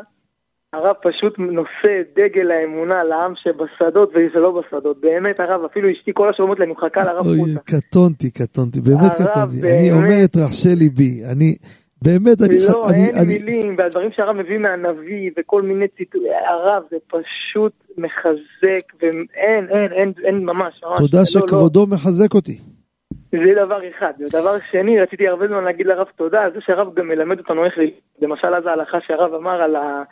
עם המשנה ברורה ברש פ"א, שהשולחן ערוך אומר מיום ראשון ואילך, אז המשנה ברורה אומר לאו דווקא, נכון. נקרא עם הציבור, מה שהרב ככה, זה לא לנו, זה הרב באמת, הרב ככה מלמד אותנו גם איך ללמוד, זה באמת על שולחן שבת והכל באמת, אין מילים, הקדוש ברוך הוא שייתן לרב תמיד נחת ויזכה להפיץ תורה עד ביאת גואל צדק, אמן ואמן. אמן וכן לאמור. אה, תודה. אה, רציתי לשאול את הרב, האמת זה לא שאלה שלי, ככה חבר דיברתי איתו וזה אמר לי שמישהו שאל אותו על אה, אדם יהודי בעצם שאבא שלו גוי. אז הוא אמר לי, והוא בן אדם שגם ממזר, האם הוא יכול להגיד קדיש על, על ההורים שלו? זאת אומרת, הוא אומר, הוא טען שכאילו זה לא כמו חילוני רגיל שאבא שלו עושה איסורים, אז זה לא קשור אליו, כאילו, הוא אומר, אבא שלו גוי, אז כל, כל כולו נהיה מעצם האיסור שהוא חי עם אמא שלו כל הזמן והכשיל אותה, ו... אז הוא עכשיו הוא יכול להגיד עליו קדיש, נגיד האמא אומרת לו תגיד קדיש על אבא, כאילו זה משהו שבכלל מותר, יכול. אני מבין, אני מבין שהוא לא גר, אלא בר מינן, בר מינן, האבא גוי, חיים. כן. הבנתי. זו שאלה מאוד מאוד חשובה. אה, אני אגיד לך דוגרי, אנחנו, זה מה שאני צועק כבר כמה, הרבה זמן. זה לא משהו כל כך נדיר בעוונות הרבים, כי אנחנו נמצאים ב... וגם, וגם ערב רב עלה איתם, כן, ברור. שאלות האלו באמת שאלות מעשיות לצערנו, אבל בסדר, אתם יודעים, זה חלק מהתהליך. ואנחנו ניגע באמת כללית, מה קורה לעשות קדיש, אשכבה, מי שברך לגוי? בואו נדבר על זה. שאלות שמגיעות. אחד התקשר מתנובה, אומר רוצה לעשות השכבה לנהג, אחד מנהגי המשאיות שם, הלך לעולמו, מפורש היה, אומר שהוא גוי. אבל היה בן אדם מצוין. אדם נעים, בחברה, אהבו אותו, אהב את כולם, עזרו אחד לשני, וזה מצוין רבותיי. גויים, חס ושלום, הם לא אנשים רעים. כל אחד, הם מצויים בשם מצוות בני נוח. זה ברור, אין ספק. השאלה היא, האם עד כדי כך שמבחינה דתית אנחנו נוכל בשבת אה, בבית הכנסת, אה, נגיד, אה, לעשות לו מי שברך, מי שברך לגורבצ'וב, כל מיני דוגמאות כאלו, זה, זה השאלה. אז בקצרה, לגבי אשכבה,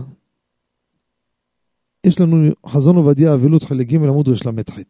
הוא דן שם לגבי הדרוזים, שהם מוסרים נפש על הגנת תושבי ישראל, שהם לא עובדי עבודה זרה.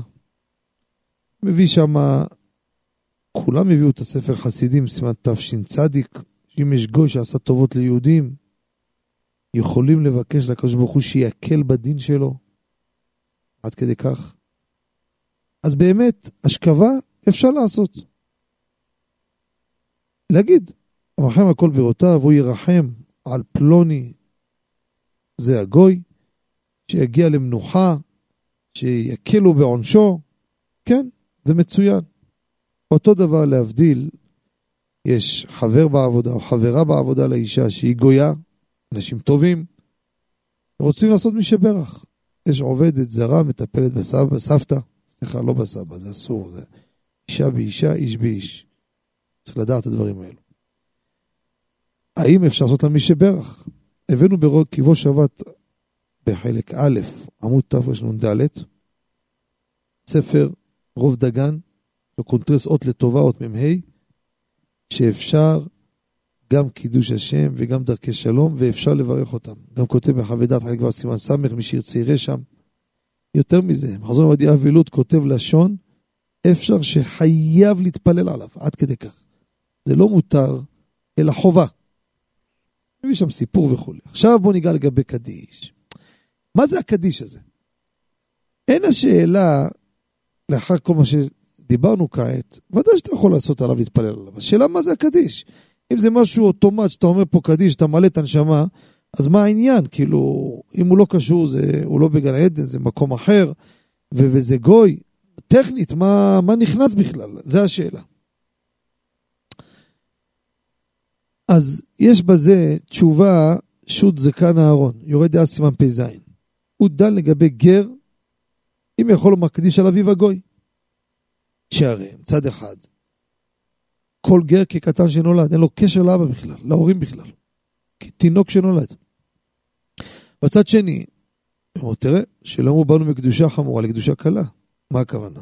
אז אתה אומר לי, הרי הלכה למעשה צריך לכבד אותו. למה? שלא אומר, תראה, אז הייתי במקום יותר טוב. הייתי צריך לכבד אותו, היום אתה אומר לי לא, זאת אומרת ירדתי בקדושה. לכן, צריך. הוא אומר, אבל זה תמוה לרבים, איך תעשה? באמת, שו"ת ממעמקים, בפרק ג' סימן ח', הוא כותב, כיוון שהקדיש יסודו תפילה, יכול לומר קדיש על גוי שהציל אותו. זה כללית לומר קדיש על גוי, טוב, נחמד, עשה לך טובות. אה, לפי מה שאנחנו רואים פה, זה, אה, גם הבעיה של הזקן הארון, זה רק תמוה לרבים. הם יודעים שאתה עושה קדיש. אבל, כי, כי, כי מה הסברה פה? כי הקדיש בעצם זה בקשת תפילה, כמו שאתה יכול לעשות לו השכבה להתפלל עליו. הקדיש גם כן להתפלל עליו. כמובן שלא נהוג לעשות כך, אבל אם אדם מתעקש ורוצה, כן. עכשיו, במקרה שלנו, זה מקרה מורכב אחר לגמרי. זה אומנם יכול להיות גוי טוב בעבודה, אבל זה גוי שעשה מעשה חמור ביותר. מה המעשה? הלך בר מינן, חס ושלום, חוץ מאיתכם, חוץ מאיתנו, הלך, נשא גויה. כמובן, הנה הילד אומר, תראה מה זה, הלך יחטיא אותה וכולי וכולי. אף שבאמת לא תמיד יש טענה על הגוי. וכי הגוי רואה בזה בעיה? מבחינתו, מה עשיתי? הבעיה עליה יותר. אז תראה, אני אומר דבר כזה, אם באמת הבן כל כך נהנה ממנו, וכל כך עזר לו, וכל כך וכל כך, והיה בן אדם טוב, לעניות דעתי, אני לא חושב שיש פה סיבה להפיל עליו שיתחתן עם, עם יהודי. אני לא בא לומר שיעשו את זה. אבל מה אתה מצפה מגוי? לא הבנתי. יש לו אצלו, כתוב אצלו, לא להתחתן? לא, לא, לא, לא, לא הוא אשם, היא אשמה. לכן לעניות דעתי, אם היה טוב והכל, עדיין זה בגדר למי שברך או השכבה או קדיש, לעניות דעתי. שוב אני חוזר פעם שלישית, לא להקטין חלילה את חומרת הדבר. מי שהבעייתי זה אנחנו. אותן בנות ישראל בר מינה שנופלות בפח, הם האשמות. זה רוצה, כמו שהכיר זה, הכיר זה מבחינתו, כל הגויים אותו דבר, אין להם שום בעיה עם זה. זה ככה נראה, אני לא מצדיק, אני חוזר שוב, חלילה בא זה, אבל לא נראה שזה בא ממקום רעות, שאותו גוי הכיר יהודייה, שזה בא ממקום לא טוב, מבחינתו. כן, יישר כוח לכבודו. בסדר, הרב חזק וברוך, הקדוש ברוך הוא יזכה את הרב להגדיל תורה ולהאדיר. אמן וכן תודה רבה רבה. תודה רבה לכבודו על כל הפרגונים, על העידוד. לא, זה המינימום. זה עושה טוב, עושה טוב, עושה טוב. אני מלא זמן, כל הזמן אומר לאשתי, אני בחיים לא ראיתי את הרב חוטה, והוא החברותא שלנו בשולחן, כאילו הוא מחיה אותנו כל שבוע, זה מדהים, מדהים, תודה רבה. עושה טוב, אני עליתי במשקל בזכותך כרגע, אם תרצה לראות אותי גם, אתה מוזמן לביתר. ברוך השם. זה מדהים, הרב באמת מקדש שם שמיים, שהרב יזכה ישראל. מאיפה כבודו בארץ? אני מבני ברק. אה, רחוק. נו, עיר התורה. כן, כן. יאללה, שיהיה לכם שבת שלום, ונזכה לבניין הבית בקרוב, אמן. אמן, אמן, אמן, תודה. שבת שלום. אנחנו נצא להפסקה, ומיד נשוב למאזינים המיוחדים.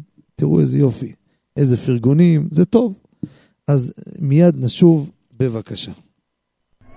אתם מאזינים ל"מבט לשבת" עם הרב בנימין חוטה. שבנו מהפסקה, ניגש למאזין הבא. שלום וערב טוב. שלום וערב טוב, כבוד הרב. שלום עליכם. תודה רבה על התוכנית שיש לנו שאלה לגבי היום, כשיש שינויים במצב החשמל. האם לפי דעת הרב בן ציון, אבא שאול, זרר צדיק לקרב לברכה, השתנה הדין בנר חשמלי של שבת? שאלה יפה מאוד, ואני גם אתן פה, קודם כל אני אסביר למאזינים בהרחבה מה שכבודו שואל, ואז אני אתן פה רקע חשוב מאוד שהציבור ידע, קצת רקע על נושא החשמל, נתונים מאוד מעניינים, אה, עדכניים. ידועה שיטתו של חכם בן ציון אבא שאול, באור לציון חלק ב', עמוד ק"ע, וגם גאון שלמה זמן נוירבך, בשמירת שבת כהלכתה פרק מ"ג הערך כ"ב.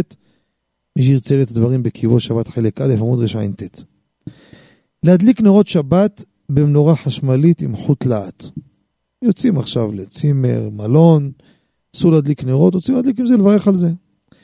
דעת החכמים האלו, שזה אפשרי רק אם החשמל מגיע ממקור של כמו מצבר וכדומה, שהוא מקור קיים, חשמל בא ממקום שהוא עדיין נמצא וקיים.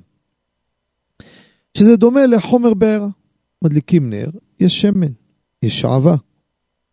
מה, מה, מה ההיגיון? מה, מה שהוא כותב באור לציון? הוא אומר, תאר לך, אדם מדליק עכשיו נר שבת, שם קצת קצת שמן, בקושי יחזיק כמה דקות. בירך. כשהדליק, עוד דקה צריך לכבות הנר. זה, זה לא הדלקה, זה בכלל לבטלה. צריך, הוא אומר, אני אוסיף, אחרי שנדלק אני אוסיף שמן. לא טוב. צריך בהדלקה שיהיה החומר. אומר לך בן ציון, שמדליקים אה, חברת חשמל, כל רגע נוצר החומר מגיע מחדש, אתה מדליק, אין כרגע את החומר. החומר נשרף. אז הוא נוקט שאי אפשר להדליק נר שבת במנורה חשמלית שלא באה ממצבר או בטריה.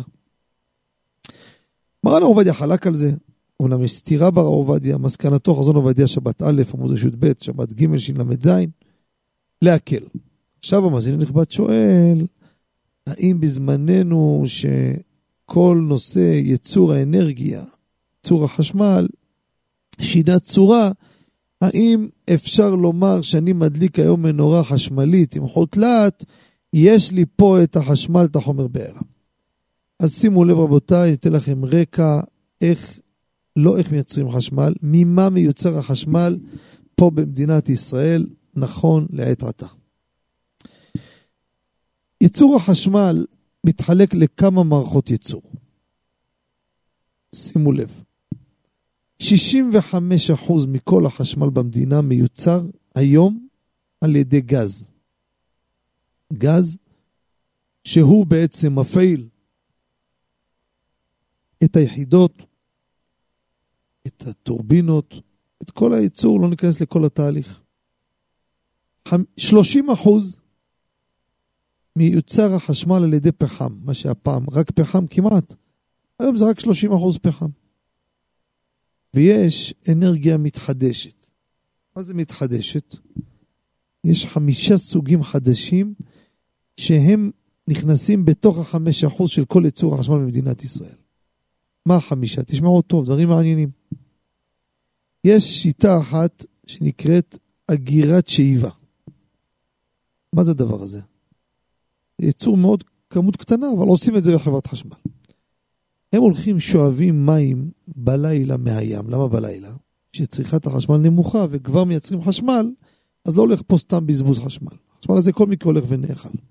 הם שואבים מים, מביאים אותו למצב שהוא נזרק מהגובה, ברעיון, כמו בחוץ לארץ, שהמפלים מייצרים את החשמל, ואז ככה מייצרים חשמל. פה אין הגירה של החשמל. חשמל מיוצר מיד מוזרם לקו החשמל הארצי. כל מדינת ישראל, כל המדינה, יושבים על קווי חשמל, קו אחד. רואים את החוטי חשמל? כולם על אותו צנרת. להזרים חומר לקווים, זה יש יחידות.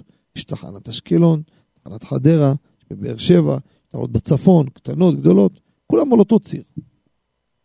אבל זה אגירת שאיבה, גם באגירת שאיבה אין מאגר, דהיינו מצבר שצובר את החשמל. יש עוד ייצור חשמל על ידי תחנות רוח, גם הוא אותו דבר, הוא לא אוגר חשמל. יש את הייצור החשמלי שכולם מכירים על ידי הסולארי, נקרא PV, שעל ידי השמש מייצרים אנרגיה. אז פה תשמעו, יש פה שלושה סוגים מעניינים. הנורמל הרגיל שאנחנו מכירים, שעדי האנרגיה של השמש מיוצר חשמל, שהוא מוזרם ישירות למוביל החשמל הארצי. הוא לא בהגירה. שאל אותי בן אדם, אני גר בצפון, יש לי על הגג את כל הקולטים האלו של השמש שמייצרים אנרגיה, ואני בלילה משתמש בחשמל. הנה, בוא תראה. אתה משתמש בחשמל, אבל לא ממה שיצרת.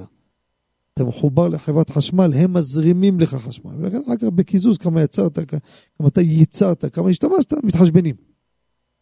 אבל אין אגירה, אין מאגר של חשמל על ידי המערכת הסולארית, ה-PV. יש עוד, יש עוד מערכת סולארית PV משולבת טרמי.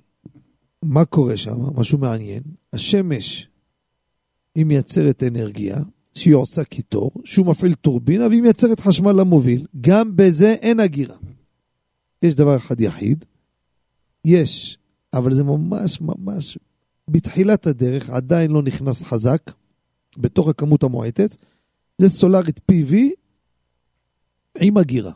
מייצרים חשמל מהשמש, והוא הולך למצברים, אבל עדיין זה לא נכנס חזק. ולכן, לאחר כל הסיכום שהבאנו פה, את כל הדרכים איך מייצרים חשמל, עדיין, עדיין, עם כל הטכנולוגיה הזו המתוחכמת, אין לנו מצב של אגירה.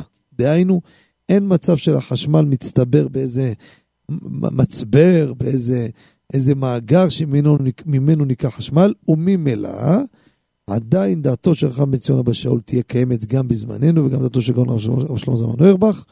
לשיטתם אי אפשר לברך על נר חשמלי שהחשמל זורם רק מחברת חשמל. להדגיש, כמו שהדגשתי, דעת מרן הר עובדיה ודאי אפשרי, אף שזה מחברת חשמל, אבל המאזין שאל לשיטתם, עדיין זה המציאות. יכול להיות שעוד כמה שנים, בעזרת השם, אה, כבר הכל יהיה כשר, אין ספק, אנחנו, אם הם לא רוצים לתקן בצורה זריזה ומהירה, והכל בעצלתיים עם מחה מקרה, ואתה רואה שהדברים, תהליך, כן, לוקח זמן, אבל ציפינו ליותר טוב, ועדיין יש עוד מה לדבר, לא הזמן כרגע, אבל כנראה שצריך זכות גדולה מי שיזכה לעשות את הדבר הזה, ובעזרת השם אנחנו נזכה בקרוב אה, בגאולה שלמה נזכה הכל לתקן עולם ממלכות שדי. אבל נכון להרגע, כל המערכות לא בתקן הזה שיש אגירה של החשמל, ולכן לשיטתם אי אפשר אה, לברך על מנורה חשמלית, אפילו עם חוטלת, אם החשמל הוא מוזרם על ידי חברת חשמל. יישר כוח לכבודו, שבת שלום, ונזכה בקרוב לבניין הבית, אמן ואמן. נעבור למאזין הבא. שלום וערב טוב. שלום הרב, ערב טוב. שלום עליכם. אה, רציתי לשאול את הרב, אה, לפני כמה חודשים קיבלתי קנס באוטובוס עירוני, ועכשיו הקנס הזה לא היה כהוגן. ועבור כמה זמן נסעתי באוטובוס אה, מיציאה מהעיר ולא היה לי כסף לשלם. הנהג אישר לי ולשלם כשיהיה לי. עכשיו השאלה היא אם מותר להרשות דין לעצמי, במקום לשלם את הקנס שלא היה כהוגן, אמנם אני אשלם, סליחה, אני אשלם את הקנס, אבל במקום שאני אחזיר את החוב של הנסיעה, הנסיעות הבאות שהייתי חייב, כביכול... כן, אני הבנתי את השאלה, המאזין נפל מהקו. אנחנו מתנצלים, אני לא יודע למה נפל, אולי אין קליטה, אבל המאזינים כולם הבינו את השאלה. הוא קיבל קנס באוטובוס, הוא אומר, תראה, אני אשלם אותו כמובן, אני לא אבוא לריב איתם, אבל אני אמשיך לנסוע בנסיעות, בקיזוז, עושה דין לעצמו. כל הסוגיה שאדם עושה דין לעצמו, כמובן בכל של משפט סימן ד', זה כשהדין לעצמך, הוא באמת מגיע לך הדבר. ואם אתה עכשיו תרוץ לדין תורה ועד ועד ועד, אתה תפסיד, אז במקום הפסד אדם עושה דין לעצמו. אבל פה, אם אתה באמת נסעת בלי לשלם, אז הקנס, הוא מגיע לך קנס, אז איזה דין לעצמו? אלא מה תגיד?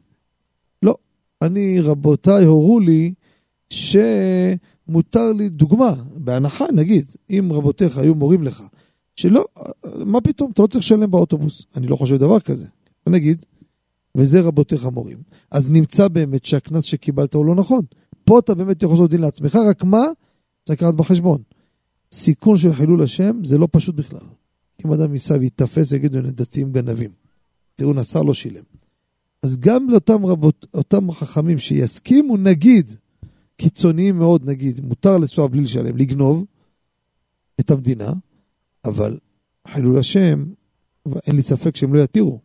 לכן, עניות דעתי, לא פשוט הדבר הזה, זה בעיה. שיהיה לכבודו שבת שלום ובשורות טובות.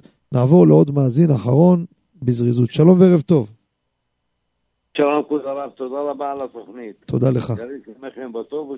אמן וכן לאמור. אמן. אה, בגלל כל המצב הזה עם המעונות של האברכים, כן. שגזרו את העניין הזה, ועכשיו יהיה להם ייעוץ בהכנסות, והם הגיעו לאיזשהו מצב של דחק, גם ככה הם דחוקים. רציתי לשאול את הרב, אם יש לי הוראות קבע,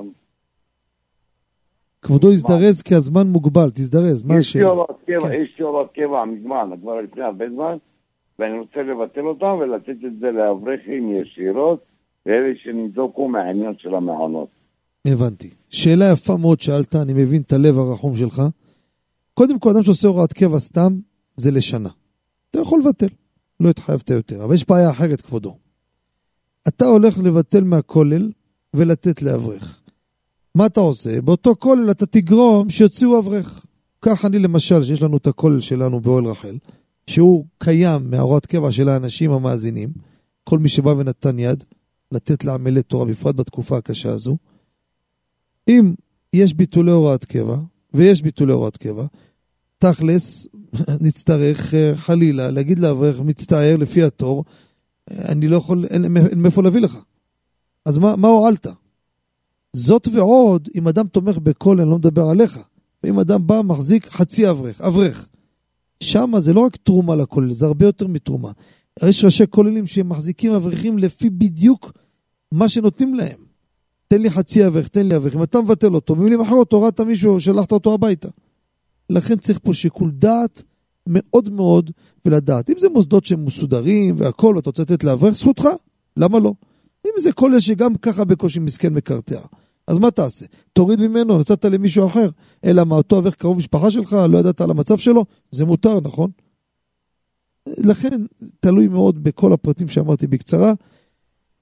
ובעזרת השם מטבח נזכה בקרוב לשפע גדול מידו הפתוחה והרחבה, שיהיה לכם שבת שלום ובשורות טובות. תודה רבה. תודה רבה, שלום. אנחנו מתקרבים לסיומה של התוכנית, נודה לצוות המסור והנפלא, כאן בירושלם קרתה דשופריה, ידידנו יהודה חבא, בבני ברק, ידידנו יצחק יורם וזנה, וכן יצחק בן חיים, חפץ השם באדם יצלח, להגדיל תורה ולאדירה. מאזינים אהובים, נכבדים, שתזכו לשבת שלום ומבורך, נזכה לבניין הבית בקרוב, ותחזינה עינינו בשובך לציון ברחמים. שיהיה לכם צום מועיל, שבת שלום ורק שמחות, ובין הזמן עם פורה. כמובן, נזכה לגאולה השלמה אוטוטו, וכל מה שאנחנו מדברים זה בבחינת זמן שאול. אנחנו חיים את המציאות, אבל כל הדברים נתונים בכל רגע נתון לשינוי דרסטי, בשמחה וטוב לבב. שבת שלום וכל טוב.